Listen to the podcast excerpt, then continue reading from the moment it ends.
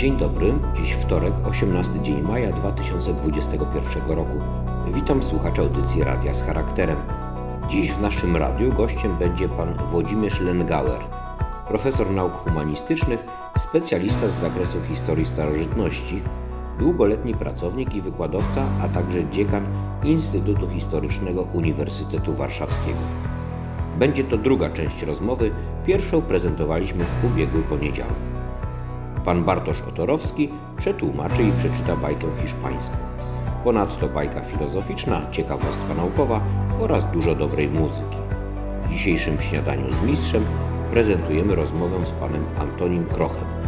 Zapraszamy na stronę i Facebooka Suplementu Kultury, a także do słuchania audycji Radia z charakterem i odsłuchiwania esencji kwadransa. Serdecznie pozdrawiamy wszystkich słuchaczy.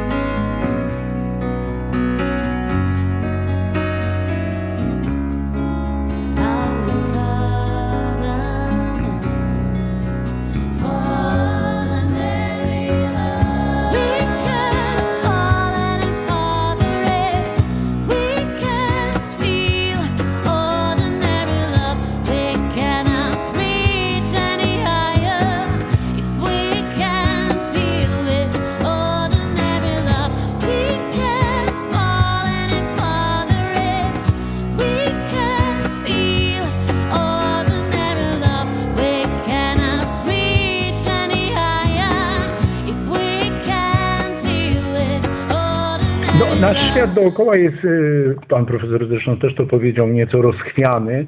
No, jesteśmy świadkami y, w zupełnie innym wymiarze, ale jednak uciekającej religijności, narastającego takiego religijnego sceptycyzmu, dystansu wobec y, religijności dziedziczonej po przodkach. No też mamy taki dyskomfort jakby mm, braku popularności czytania i e, przebywania w bibliotekach i dlatego chciałbym zacząć od tego Dionizosa w świecie przyrody. Pan tu zresztą zaczyna od takiego tekstu, od takiego autora, o którym może nam pan profesor słów parę powie, który uważał i tutaj czy, cytując pana profesora, że niemożliwe jest uzyskanie wyważonego i spójnego obrazu Dionizosa bez e, badań nad religią Greków. My, to, co nam czasami zostaje we współczesnym świecie, no to niewątpliwość tego świata fizycznego, tego świata przyrodniczego, biologicznego, no to on nas otacza. E, Czym dla tego świata, takiego, którego e, w sensie emocjonalnym trudno nam podważyć, e, e, w tradycji greckiej właśnie był Dionizos? No, to właśnie wie pan, do, do końca ale ani w jednym czy w dwóch zdaniach nie da się powiedzieć. To usiłuję trochę za- sygnalizować i wyjaśniać zakończenie, ale wiąże się to rzeczywiście z pewnymi wielkimi koncepcjami, do których się świadomie odwołuję i ta, którą e, najwięcej na mnie wpłynęła, to koncepcja Waltera Friedricha Otto, e, niewątpliwie, ale, ale nie tylko. Ale widzi pan, koncepcja Waltera Friedricha Otto dotycząca w ogóle wobec greckich była nie- niesłychanie subtelna, e, bardzo filozoficzna i e, związana właśnie z pojęciem może religijności w ogóle. E, Od razu powiedzieć, że Walter Friedrich Otto był zdecydowanie antychrześcijański. E, Uważał chrześcijaństwo za e, nieomal tragedię dla kultury ludzkiej. I e, w książce opublikowanej w 22 czy 3 roku 1922 czy 3 napisał zdanie, którego aż nie ośmielam się zacytować, bo mógłbym być, być może wciągu włóczony po sądach, wtedy jakoś nikt go nie oskarżył o, o e, obrazy uczuć religijnych, ale podkreślam jeszcze raz, nie moje zdanie Waltera Friedricha Otto. Napisał, że chrześcijaństwo to jest jak śmiertelna choroba, która toczy organizm człowieka. A to właśnie dlatego, że był najzupełniej świadomie polityjską, wyznawcą bogów greckich, co nie znaczy, co sam też się w paru miejscach pisał i, i prostował, że uważa, że trzeba przywrócić się greckie kulty, składanie ofiar ze zwierząt i tak dalej, i tak dalej. To uważał za słuszne.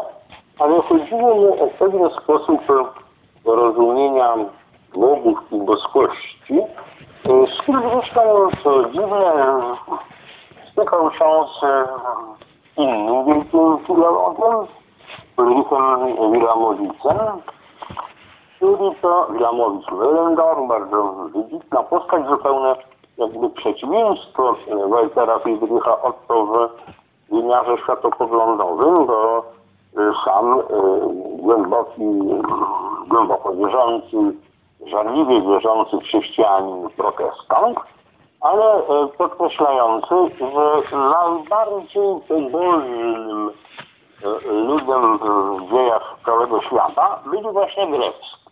I tu się spotykał z Walterem Friedrichem Otto, który wywodził, że bogowie Grecy umownie i chyba nie tylko umownie, ale w celu jakiegoś lepszego zrozumienia przez ludzi są antropomorficzni. Ale to jest też głęboko moje zdanie, antropomorfizm grecki jest bardzo, jest bardzo umowny, powierzchowny, w wymiarze, no może właśnie, przepraszam o wyrażenie, dla maluczkich, no. No zresztą uczony rzymski Waron w pierwszym wieku przed naszą erą nazywał po prostu teologia poetyka. Poeci tak przedstawiają, bo to tak ładnie pisać o romansach Zeusa, przygodach Hermesa i tak dalej, ale e, kulturalnie wykształcony Grek e, z całą pewnością nie wierzył w takich bogów, albo inaczej, w takiej dosłownie postaci, w jakiej przedstawia ich Homer, nawet późniejsi litografowie. To, to jest bardzo powierzchowny wymiar e, pobożności czy wiary, natomiast to są siły, które są obecne w świecie. To są siły świata. I te siły są boskie, że polityk grecki, zdaniem Waltera Friedricha Otto, to boskość świata. Zresztą z strony filozoficznej przejęli potem, e, czy przejęły różne szkoły filozoficzne greckie, których znów bardzo się opiera przecież Klemens Aleksandryjski. Proszę pamiętać, że Klemens Aleksandryjski, ojciec Kościoła w końcu, e, wylicza trzy objawienia. Bóg się objawił trzy razy ludziom. Pierwszy raz to oczywiście I najstarsze objawienie to jest objawienie mojżeszowe, objawienie Izraelowi to jest Bóg Mojżesza, a drugie objawienie, trzecie i ostatnie to Chrystus, a drugie to jest filozofia grecka. On filozofię grecką uważał za myśl, którą dał Bóg ludziom. I y, takie właśnie myślenie o świecie było bliskie i Walterowi Filichowi Otto i stoikom greckim, no i mnie właśnie, tak. Y, Ja e, deklaruję się w dzisiejszym rozumieniu tego terminu jako oczywisty ateista. Żadnych zresztą antropomorficznych bogów, podobnie jak Walter Spidzichotto, nie wierzę, ale uważam, że świat jest e, tym, co właśnie Grecy nazwali porządkiem. Proszę pamiętać, że wyraz kosmos to oznacza porządek po prostu po grecku i na oznaczenie świata czy wszechświata pojawia się y, u, wedle tradycji, której nie potrafimy skontrolować, dopiero u Pitagorasa, mówię dopiero, bo oczywiście nie ma takiego znaczenia ani u Homera, ani u Hezjoda, który pisze o pryskaniu świata. E, e, I oczywiście owszem, przeciwstawia chaos kosmosowi, ale to właśnie chodzi o wprowadzenie porządku, wyprowadzenie porządku z chaosu, natomiast filozofia grecka używała długo pojęcia po prostu to wszystko, albo ta panka, to samo, że powiedzieć nogi, to jest świat. A właśnie od Pitagorasa jakoby kosmos to jest nazwa świata, czyli właśnie ten świat to jest jakiś wspaniały porządek, którego my jesteśmy częścią. To jest e, myśl bardzo mi bliska. Is this the real life? Is this just fantasy? Caught in a landslide,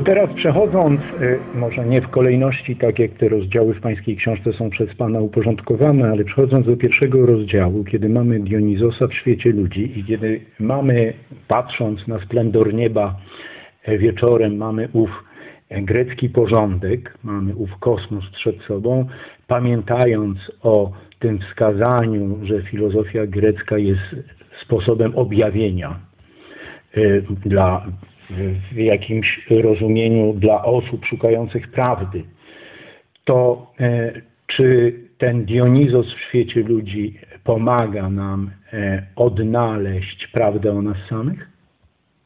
Widzi pan, tu bym się wahał jak na to znów odpowiedzieć, bo na pewno pomagał Grekom. Koncepcja właśnie Dionizosa jako bóstwa życia, syna Zeusa, który rzeczywiście się e, w pewnym momencie narodził w świecie ludzi. Bo on początkowo, i myślę, że to jest starsza postać Dionizosa, jest tylko synem Persefony i jego najwcześniejsze dzieje są sprzed istnienia ludzi. Myślę o micie greckim. Ale w pewnym momencie przychodzi na świat. E, jako syn Samele, e, osoby najzupełniej ludzkiej. Jego matka jest najzupełniej ludzka wedle mitu. E, wobec tego Grekom z całą pewnością taka koncepcja pomagała zrozumieć. Ona znów jest, e, to zresztą pierwszym wysunął taki rosyjski wielki poeta, znany dzisiaj przede wszystkim jako poeta, jedna z czołowych postaci rosyjskiego symbolizmu, symbolizmu Wiaczesław Iwanow, który jest także autorem monografii Dionizosa.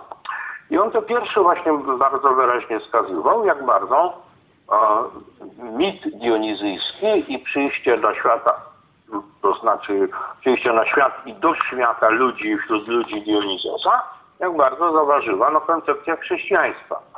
E, I niewątpliwie miał rację. I wobec tego Grekom tak, taka postać i takie rozumienie Dionizosa niewątpliwie pozwalało zrozumieć świat, a to ta wszechpotęga, jaką jest Zeus. Proszę pamiętać właśnie, co też gdzieś tam w mojej książce raz i drugi cytuję, jest kilka miejsc, w których po prostu Zeus jest właśnie nazwany wszystkim. Zeus to wszystko, Zeus to cały świat i wobec tego ta właśnie potęga, która jest światem, wysyła Dionizosa do y, świata ludzi i teraz y, czcząc Dionizosa i rozumiejąc go i myśląc o nim, jakby rozumie, rozumiemy wszystkie zamysły Boga i tego, jak on światem będzie kierował.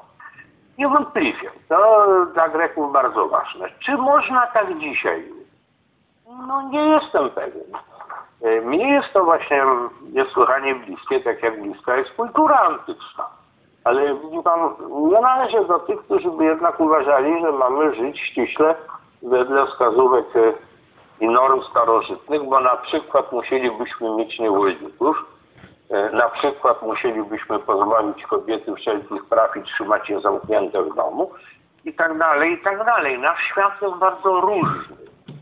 To, co możemy wziąć z tej myśli i co zresztą wskazuje w paru swoich późniejszych szkicach, bardzo zresztą filozoficznych, e, zebranych zresztą w takim tomie o znamiennym tytule Gestalt des postać bytu, właśnie Walter Friedrich Otto, możemy wziąć pewne myśli, pewne przekonania.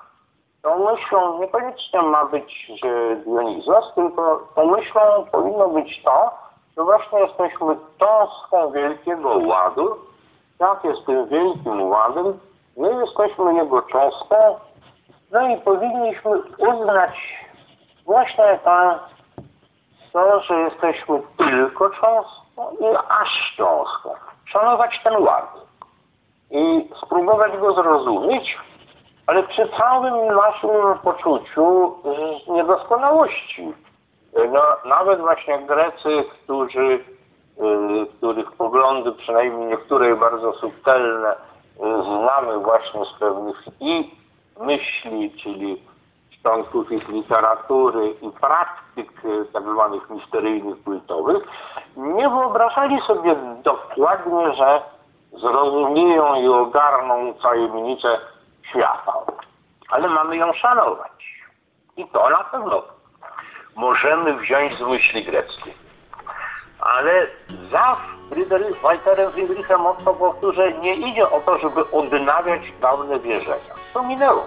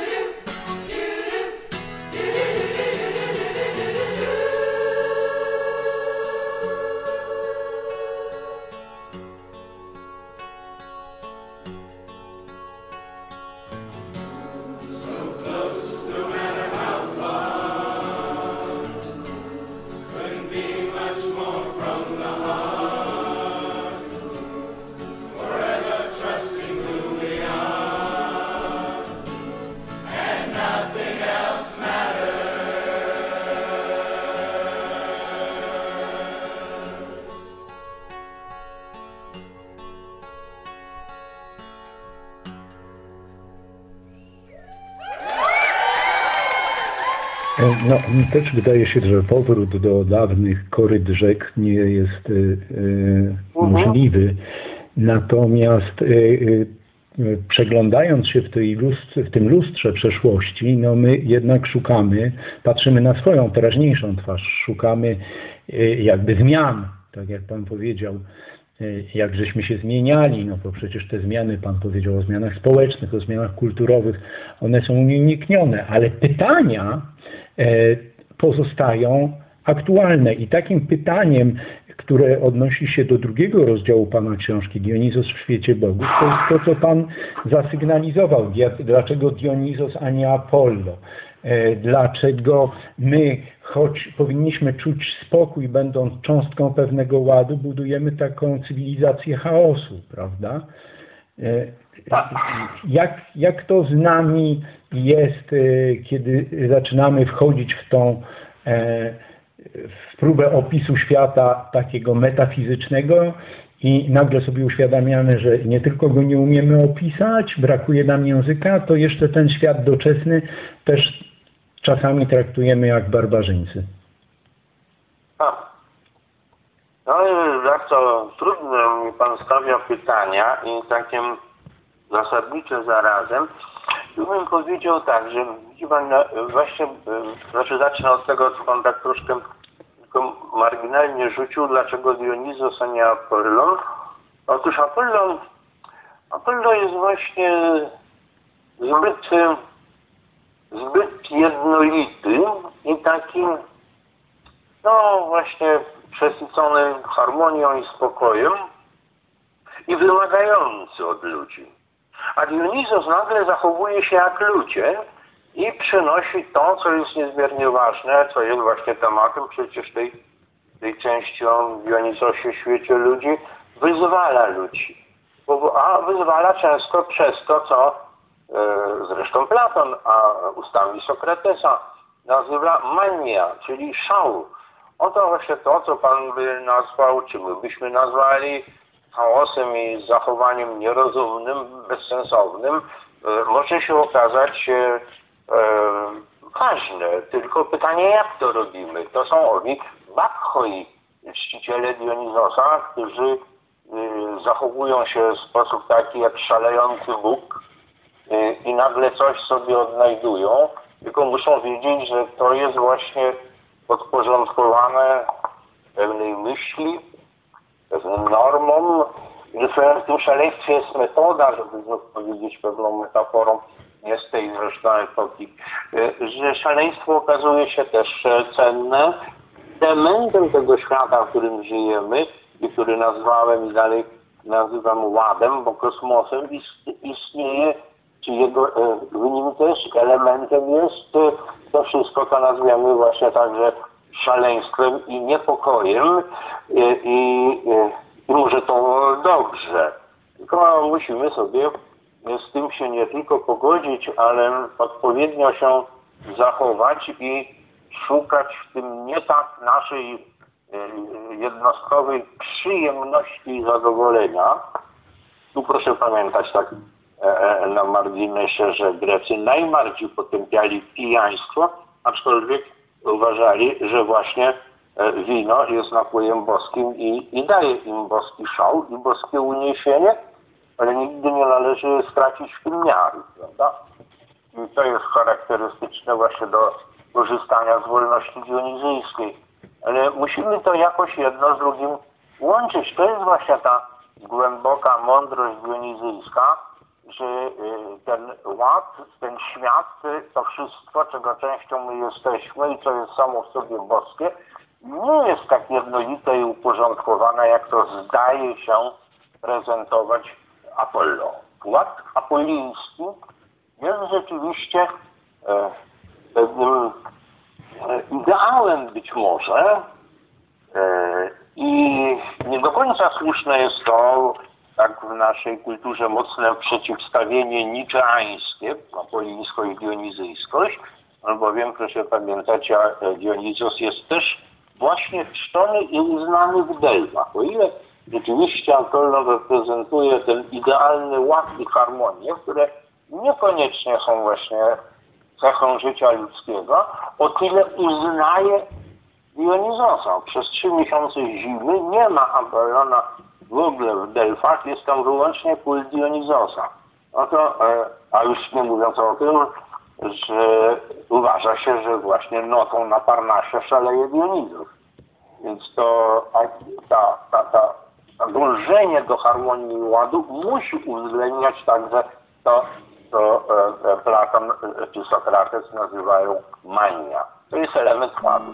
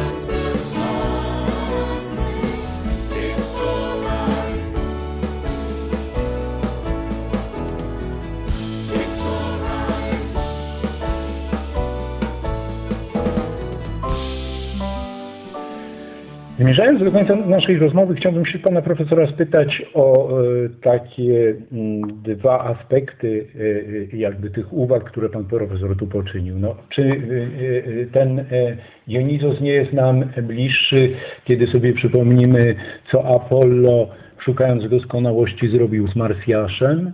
To jedna rzecz. I drugie, cały czas pan profesor wspomniał o umiarze, że umiar jest istotą naszej cywilizacji, że umiar jest istotą kultury greckiej. I przypominają się takie teksty e, człowieka, który w obecnym roku miał 100 lat, Stanisława Lema, który w wielu e, aspektach na pewno by się z panem profesorem zgadzał. E, i, i e, który mówił, że stworzyliśmy cywilizację bez umiaru. I to, co może tą cywilizację rozpędzoną bez umiaru trochę powstrzymać, to jest kultura. Właśnie kultura wysoka, kultura, która obejmuje wielką, wielką bibliotekę, tylko żebyśmy umieli z tej kultury korzystać. To jak, jak, jak pan profesor to widzi? Y, Tu jest kilka spraw.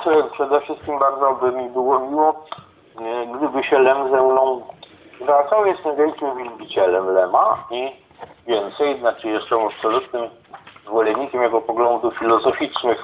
Dla mnie on jest przede wszystkim filozofem. Oczywiście to jest y, wspaniała literatura i y, także i ta poważniejsza i, i, i- i mniej poważna. Tak samo lubię bajki robotów jak Podróże Jona Tichego czy e, i, i, i na przykład Solaris. To bardzo poważna literatura e, i wspaniała, ale tak jakże filozof, autor choćby filozofii w przypadku i summa technologię, o czym się dziś czasem zapomina i proszę pamiętać, że e, to był także od strony filozoficznej i dlatego mi tak bliski ktoś, kto uważał, że sam fakt bycia, bytu jest e, przypadkiem. E, To jest pogląd, który zupełnie podzielam, który wymagałby oddzielnej rozmowy i oddzielnego rozwinięcia, bo to jest też pytanie stare filozofii greckiej dia i dlaczego coś, dlaczego coś istnieje. I na to pytanie oczywiście nie ma odpowiedzi nigdy jej nie znajdziemy. Natomiast istotnie, e, wracając znów do tego wątku, powiedzmy, naszego miejsca i cywilizacji, tworzyliśmy, można by tak metaforycznie powiedzieć, tworzyliśmy całą cywilizację i kulturę ludzką, żeby na to pytanie odpowiedzieć, prawda? Ale to się nie udało i nigdy nie uda i tego musimy być tutaj zupełnie świadomi. Następna rzecz, to już nie tylko chodzi znów o pewną metaforę, jaką jest Marsja, że zresztą to nie jest, to jest w gruncie rzeczy mit, który zrobił karierę, zwłaszcza w czasach potem cesarstwa, dzięki Owidiuszowi w dużej mierze.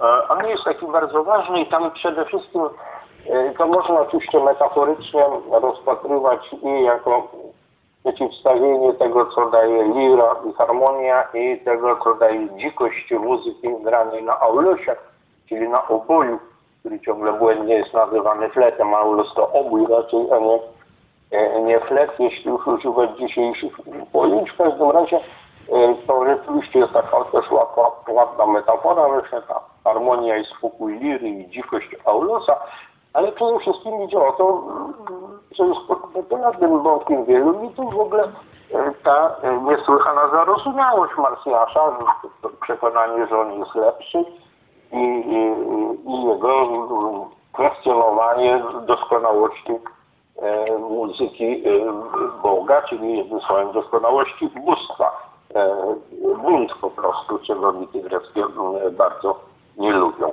Ale e, e, rzeczywiście, jeżeli popatrzymy na całą, e, e, na całą, no właśnie powiedzmy tak troszkę, nie lubię tak właściwie belfersko mówić, ale naukę wynikającą z kultury antycznej, to jest właśnie to, co e, i Pan mówi o poglądach Lema i co dla Greków było oczywiste, że w ogóle w tym świecie, w którym e, e, nie bardzo szukamy odpowiedzi, w którym szukamy harmonii, widzimy ład, a trafiamy na chaos, w tym świecie bardzo łatwo także możemy zbłądzić. Proszę pamiętać, że e, wyraz, który jest przejęty potem w Nowym Testamencie na określenie grzechu i w Septuagincie zresztą e, e, to jest hamartma albo hamartia, to wy- wywodzi się od greckiego czasownika hamartano, który znaczy po prostu zabłądzić, chybić celu. To różne rzeczy, które robimy, to polegają na naszym błędzie. E, Popełniamy błąd. To jest zresztą w moim przekonaniu wyjaśnieniem tragedii greckiej. Tragedia grecka przedstawia błędy człowieka. Człowiek zawsze błędzi. E, Wobec tego jedyne, co nas rzeczywiście może chronić przed błędem, jest to, co Grecy nazywali kulturą. My czasem właśnie mówimy, czy to cywilizacja, czy kultura, czyli idea. To jest taka kultura, która jest połączona z uczeniem się ciągle. I pan, ja kiedy siedzę przy biurku i, i, i, i, i wszyscy myślą i mówią, że o, pracuję, coś piszę, to ja skromnie odpowiadam, nie, ja się po prostu uczę. Ja się ciągle uczę. Bo to jest właśnie ta idea. Musimy się ciągle uczyć. Jeśli tak znowu można pewnym skrótem myślowym tę wypowiedź skończyć w tej chwili. To ja bym naszą rozmowę spróbował zakończyć tak, że dzisiaj e, uczył nas szukania umiaru i e, harmonii w przeszłości e, profesor Włodzimierz Langauer, a mam nadzieję, że pan profesor da się namówić na rozmowę, której jakby zaczyn sam tutaj wywołał, mianowicie byt a przypadek. No, właściwie chętnie, zwłaszcza, że troszkę się ostatnio pogrążyłem w lekturze filozofów greckich. Także panie profesorze, dziękujemy za już i prosimy o jeszcze. Dziękuję bardzo. Kłaniam się pięknie panu Wszystkie- wszystkich, którzy słuchali. Pozdrawiam. Wszystkiego dobrego.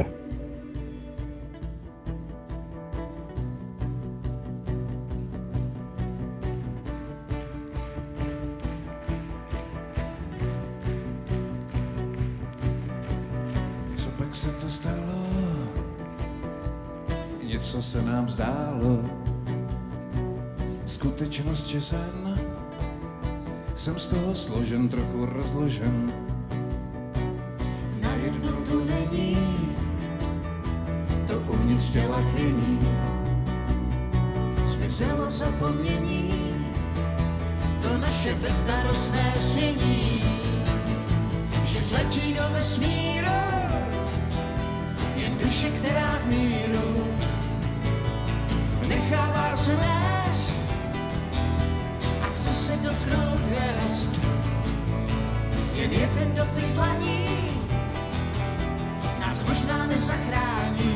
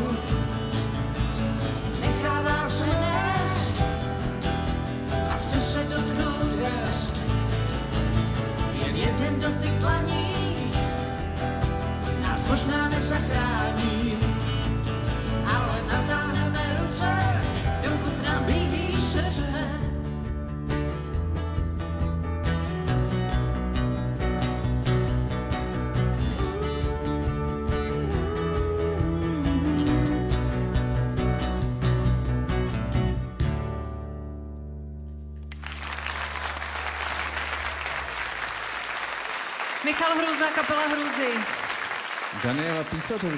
Dzień dobry. Z tej strony Łukasz Zwoliński. Witam serdecznie wszystkich słuchaczy. Zapraszam do wysłuchania opowieści medytacyjnej Antonego de Mello zatytułowanej Kiedy dzień jest wielkim dniem. Młody Amerykanin dostał posadę urzędnika w Białym Domu.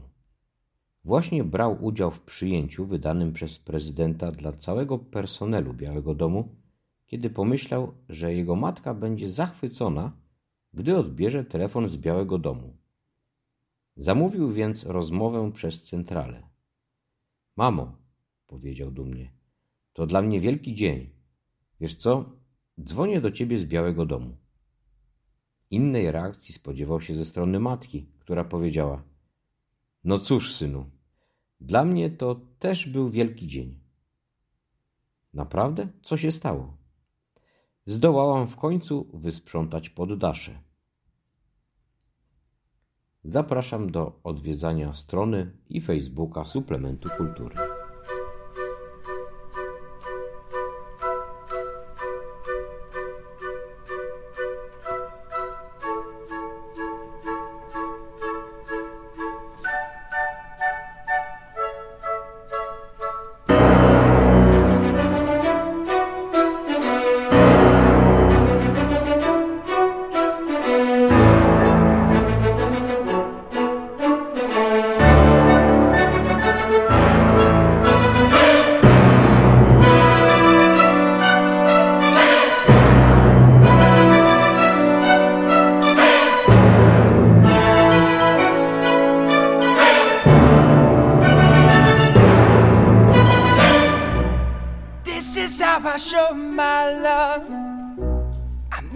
In my mind because I blame it on my ADD, baby.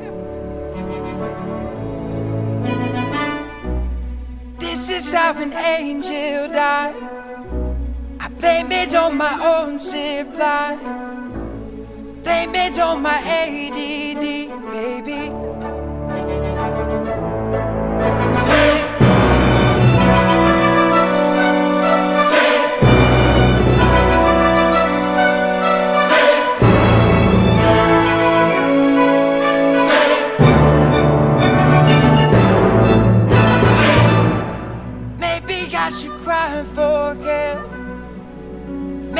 I should kill myself. Blame it on my ADD, baby.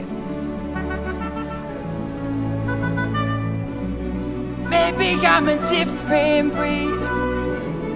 Maybe I'm not listening. Blame it on my ADD, baby.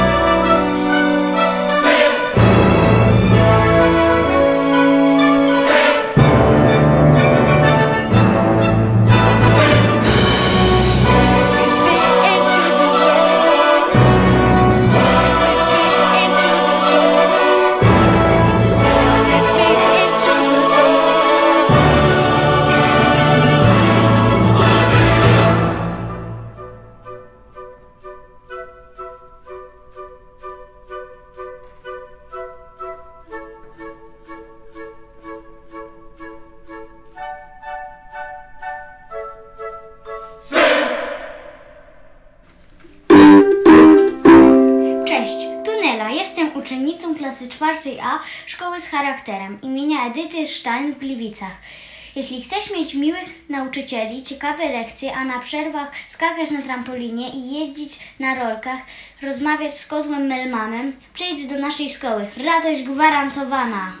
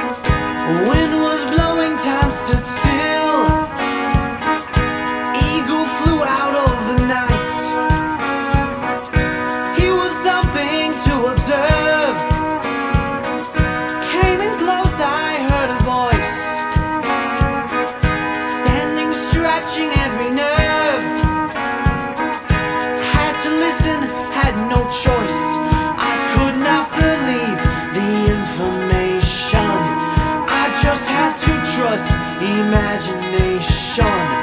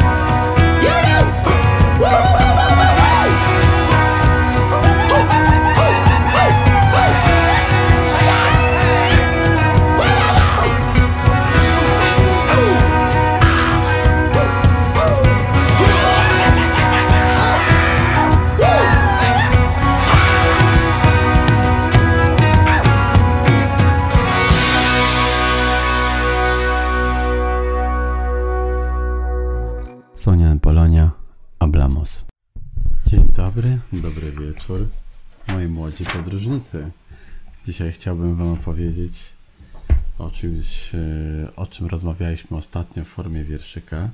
Mianowicie Bogusław Zeman napisał przygody słonika Bombika. Będę Wam czytał fragmenty tej książki, żebyście mogli przeżywać razem ze mną te przygody. Bartosz Tarowski z tej strony i będziemy dzisiaj czytać pierwszą część. Bajka o łaciatym słoniu Bombiku. E, pamiętamy, że plama to była, czy łata to była mancza, a słoń to był elefante. Pewnego razu w Afryce przyszedł na świat mały słonik. Cała rodzina słoni bombalskich z wielką radością przyjęła wiadomość o jego narodzinach. Kiedy wszyscy zebrali się, aby zobaczyć maleństwo i poznać jego imię, oni mieli ze zdumienia. Mały słonik, czyli elefante pequeño. Rodzina, familia. Idziemy dalej. To ma być potomek sławnych słoni bombalskich? Rozpoczął stary wuj Bombal. Wuj to będzie Tio. Wszystkie słonie w Afryce będą się śmiały z naszej rodziny. Zatrąbił z rozpaczy. Jego żona, ciotka Bombala, Tia, próbowała załagodzić sytuację. Całkiem ładniutki ten wasz synek, tylko to coś na jego grzbiecie wydaje się niezbyt słoniowe. Ładniutki, łapo. Oczy wszystkich skupiły się na grzbiecie słoniątka, czyli Espalda. To grzbiet plecy. Tuż za jego głową widać było czarną łatę, jakby ktoś zrobił ogromnego kleksa. Czarna łata, czyli mancza negra. Ajajaj, martwiła się ciocia Bombala. Wiemy, że ciocia to była Tia. Nikt na świecie nie widział jeszcze łaciatego słonia. Co na to powiedzą inne zwierzęta? Animales, zwierzęta. A jak będzie miał na imię? Zapytał jak zwykle ciekawski kuzyn Bombas Primo. Postanowiliśmy, odpowiedział trochę smutny tatuś słoniątka, smutny, triste, tatuś Padre. Padre Triste, smutny tatuś, że będzie miał na imię Bombik. Imię to nombre. Bombik, powtórzyli wszyscy kiwając głowami, westnęli zakłopotani. Łaciaty słoń Bombik. Całej rozmowie przysłuchiwały się złośliwe hieny ukryte w wysokiej trawie. Trawa to będzie yerba, dlatego jak ktoś pije yerba mate, to to jest trawa. Kiedy usłyszały o łacie Bombika, wybuchnęły śmiechem. Słoń z kleksem, ha, ha, ha, Bombik, co za imię dla łacia tego słonia. Powinien raczej nazywać się Plama, czyli Mancza, ha, ha, ha. Tak, Plama, ha, ha, ha. I pobiegły na sawanę, śpiewając swoją nową, złośliwą piosenkę. Piosenka Cancion.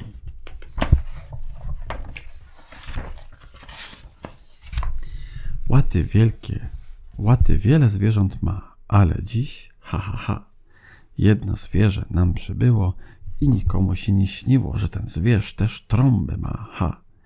Trąbę ma, ha, ha, ha. Kleksa ma, ha, ha, ha.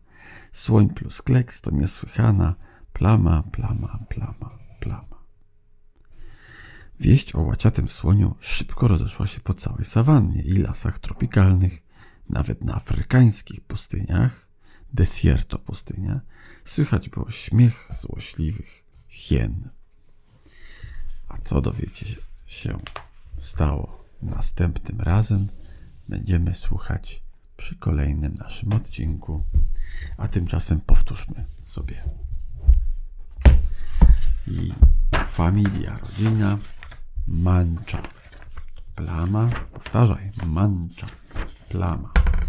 Afryka to Afryka, pequeño elefante to mały słonik. Mm, Co tam jeszcze było? Nombre, imię. Tio, wujek.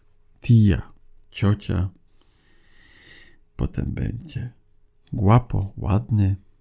Mancza, plama. Espalda. Espalda, powtórz, plecy. Co tam jeszcze? Tia, bombala. Tia to będzie ciocia. Primo. Kto to był?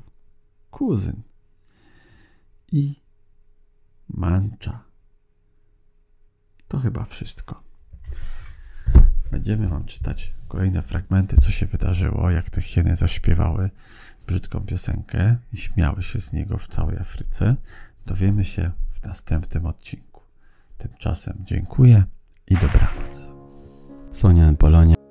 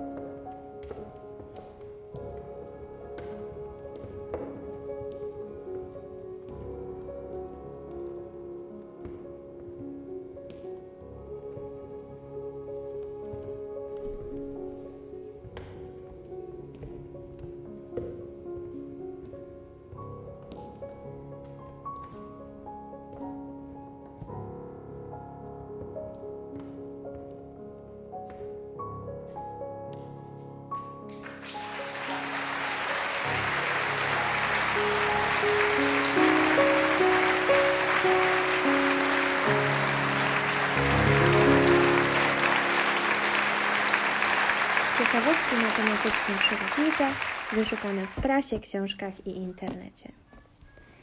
Ciągi i tajemnicza złota liczba. Matematyka jest nauką, której zasięg nie ogranicza się jedynie do sal lekcyjnych. Ciąg Fibonacciego to najlepszy przykład na to, jak istotna w życiu codziennym jest właśnie ta dziedzina. Zgodnie ze wzorem opisującym tę sekwencję liczb, dwa pierwsze wyrazy ciągu to jedynki, natomiast każdy następny jest sumą dwóch poprzednich. Określony przez włoskiego naukowca z Pizy ciąg liczby jest nie tylko ciekawy z perspektywy matematyka, w rzeczywistości znajduje on zastosowanie w wielu dziedzinach, takich jak architektura, sztuka, anatomia czy nawet muzyka. Jedną z najbardziej charakterystycznych właściwości ciągu Fibonacciego jest zachowanie tzw. złotej proporcji pomiędzy jego wyrazami. Zależność ta oznacza, że w wyniku dzielenia dwóch kolejnych wyrazów ciągu otrzymany wynik będzie zawsze równy w przybliżeniu 1,6. Jest to właśnie nasza złota liczba, o której była mowa na początku. Wanneer komt je volgende album? Het wordt me misschien al twee jaar gevraagd. En ik hoop dat het eind dit jaar gaat uitkomen. We zijn op dit moment aan het opnemen. Ik ben heel veel in de studio geweest. Dus het komt eraan. En ik heb alvast een voorproefje.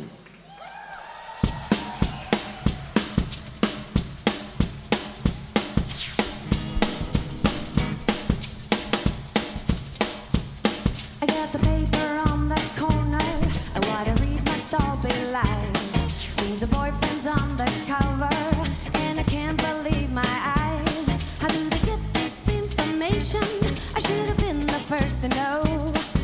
A goddamn white sensation. It's hard to hide where there's nowhere to go.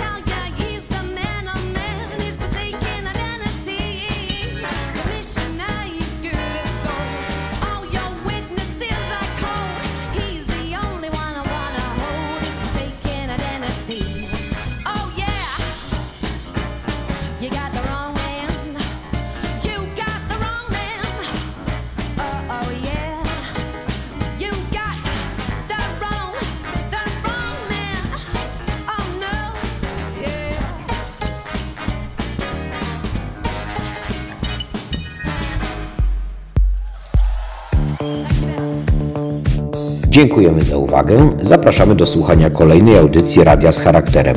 A wszystkich słuchaczy z zagranic naszego kraju zapraszamy do kontaktu mailowego. Podaję adres radio z charakterem małpa protonmail.com. Pozdrawiam serdecznie naszych słuchaczy życząc wszystkim miłego dnia i spokojnej nocy. Do usłyszenia.